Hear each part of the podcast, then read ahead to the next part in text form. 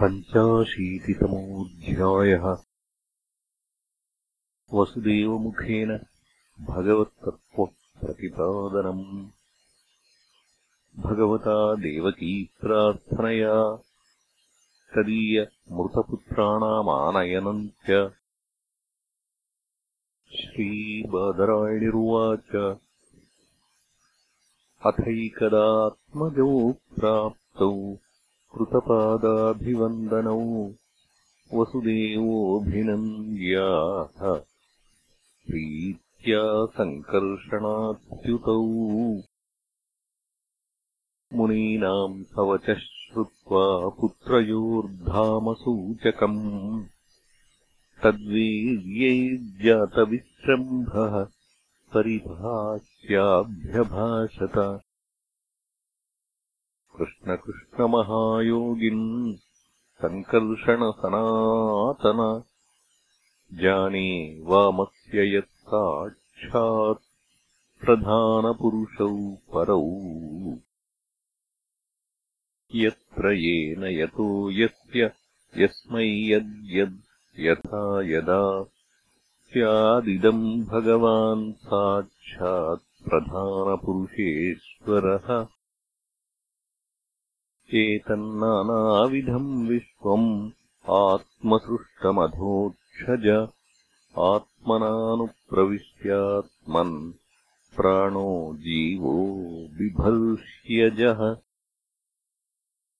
प्राणादीनाम् विश्वसृजाम् शक्तयो या परस्यताः। पारतन्त्र्याद्वै सादृश्याद्वयोः चेष्टैव चेष्टताम्। कान्तिस्तेजः प्रभासत्ता चन्द्राग्न्यर्कर्क्षविद्युताम् यत्थैर्यम् भूभृताम् भूमेः वृत्तिर्गन्धोत्थतो भवान्। तर्पणम् प्राणनमपाम् देवत्वन्ता तद्रसः ओजःसहो बलम् चेष्टा गतिर्वायोस्तवेश्वर दिशाम् त्वमवकाशोऽसि दिशः खम् स्फोट आश्रयः। नादो वर्णस्त्वमोङ्कार आकृतीनाम् पृथक्कृतिः इन्द्रियन्त्रिन्द्रियाणाम् त्वम् देवाश्च तदनुग्रहः अवबोधो भवान् बुद्धेर्जीवस्यानुस्मृतिः सती भूतानामसि भूतादिरिन्द्रियाणाम् च तैजसः वैकारिको विकल्पानाम् प्रधानमनुशायिनाम् नश्वरेष्विह भावेषु तदसि त्वमनश्वरम् यथा द्रव्यविकारेषु द्रव्यमात्रम् निरूपितम्। सत्त्वम् रजस्तम इति गुणास्तद्वृत्तयश्च याः। त्वय्यद्धा ब्रह्मणि परे कल्पिता योगमायया तस्मान्न सन्त्यमीभावा यर्हि त्वयि विकल्पिताः। त्वम् चामीषु विकारेषु यन्यदा व्यावहारिकः। गुणप्रवाहैतस्मिन्न बुधास्त्वखिलात्मनः गतिम् सूक्ष्माम् अबोधेन संसरन्तीह कर्मभिः यदृच्छया नृताम् प्राप्य सुकल्पामिह दुर्लभाम् स्वार्थे प्रमत्तस्य वयो गतम् त्वन्माययेश्वर असावहम् ममैवैते देहे चास्यान्वयादिषु। स्नेहपाशैर्निबध्नाति भवान् सर्वमिदम् जगत् युवाम् न नः सुतौ साक्षात्प्रधानपुरुषेश्वरौ भूभारक्षत्रक्षपण अवतीर्णौ तथार्थः तत्ते गतोऽस्म्यरणमद्यपदारविन्दम् आपन्नसंसृतिभयापहमात्तबन्धो एतावतालमलमिन्द्रियलालसेन मर्त्यात्मदृक् त्वयि परे यदपत्यबुद्धिः सूतीगृहे ननु जगादभवानजो नौ सञ्जज्ञैत्यनुयुगम् निजधर्मगुप्त्यै नानातनूर्गगनवद्विदधज्जहासि को वेदभूम्न उरुगाय विभूतिमायाम्। श्रीशुक उवाच आकर्ण्येत्थम् पितुर्वाक्यम् भगवान् सात्वतर्षभः प्रत्याह प्रश्रयानम्रः प्रहसन् श्लक्ष्णया गिरा श्रीभगवानुवाच वचो वः समवेतार्थम् तातैतदुपमन्महे। यन्नः पुत्रान् समुद्दिश्य सत्त्वग्राम उदाहृतः अहम् यूयमसावार्य इमे च द्वारकौकसः। सर्वेऽप्येवम् यदुश्रेष्ठ विमृश्याः सचराचरम्। आत्मा एकः स्वयम् ज्योतिर्नित्योऽन्यो निर्गुणो गुणैः आत्मसुष्टैस्तत्कृतेषु भूतेषु बहुधेयते। खम् वायुज्योतिरापो भूस्तत्कृतेषु यथाशयम्। आविस्तिरोऽल्पभूर्येको नानात्वम् यात्यसावपि श्रीशुक उवाच एवम् भगवता राजन् वसुदेव उदाहृतम्। श्रुत्वा विनष्टनानाधीः तूष्णीम् प्रीतमना अभूत्। अथ तत्र कुरु श्रेष्ठ देवकी सर्वदेवता।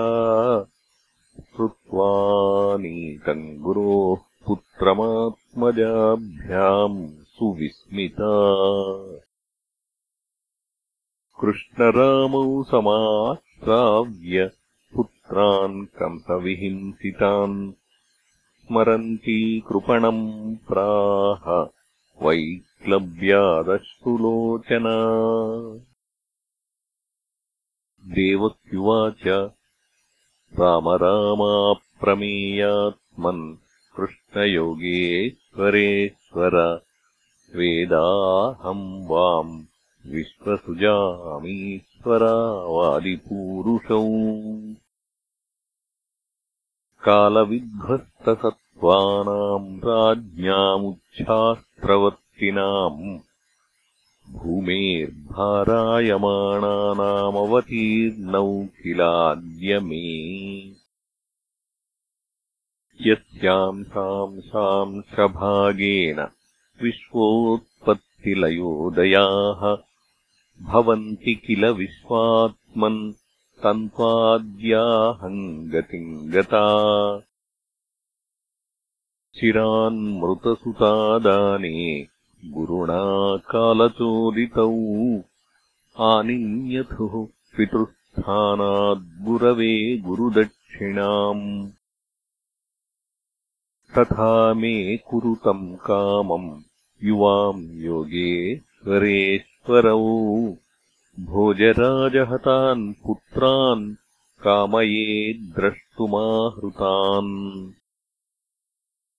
श्रीशुक उवाच एवम् सञ्चोदितौ मात्रा रामः कृष्णश्च भारत सुतलम् तम् विविशतुः योगमायामुपाश्रितौ।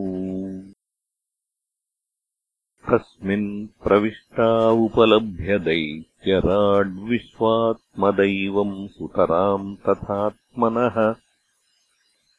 तद्दर्शनाह्लादपरिप्लुताशयः सद्यः उत्थाय ननाम सान्वयः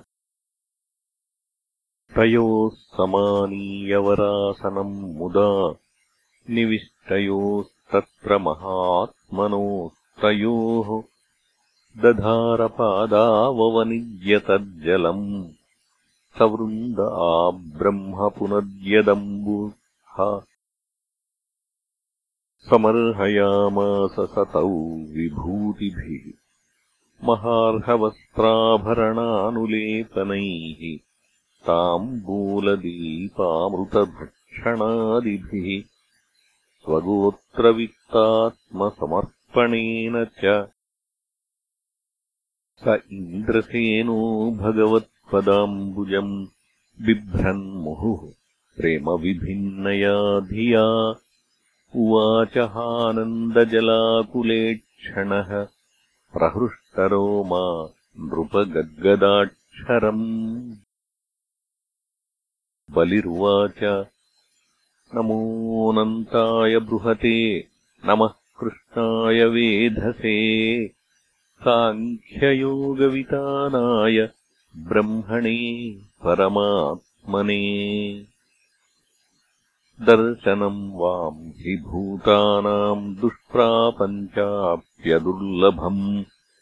रजस्तमस्वभावानाम् यन्नः यदृच्छया दैत्यदानवगन्धर्वाः सिद्धविद्याध्रचारणाः यक्षरक्षः पिशाचाश्च भूतप्रमथनायकाः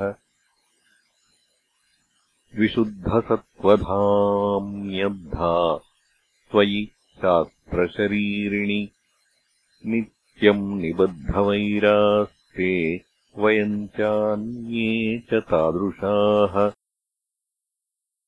केचनोद्बद्धवैरेण भक्त्या केचन कामतः। न तथा सत्त्वसंरब्धाः सन्निकृष्टा सुरादयः। इदमित्थमिति प्रायस्तव योगेश्वरेश्वर। न विदन्त्यपि योगेशा योगमायाम् कुतो वयम्। तन्नः प्रसीदनिरपेक्षविमृग्ययुष्मत्। पादारविन्दधिषणान्यगृहान्धकूपात्।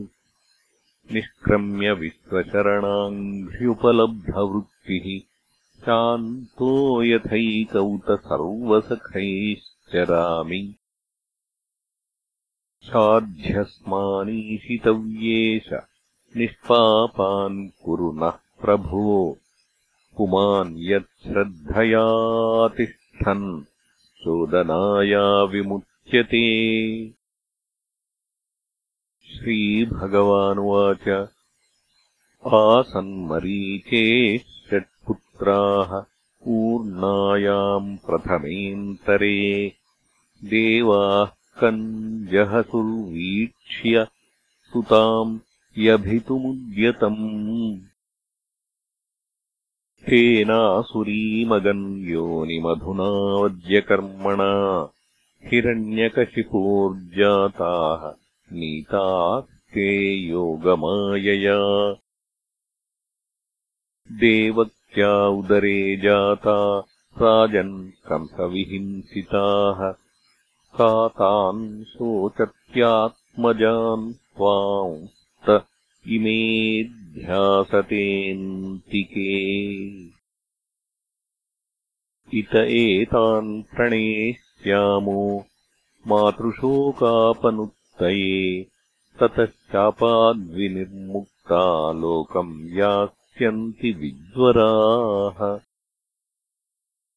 स्मरोद्गीतः परिष्वङ्गः पतङ्गः क्षुद्रभृद्घृणी षडिमे मत्प्रसादेन पुनर्यास्यन्ति सद्गतिम्। इत्युक्त्वा तान् समादाय इन्द्रसेनेन पूजितौ। पुनर्द्वारवतीमेत्य मातुः पुत्रानयच्छताम्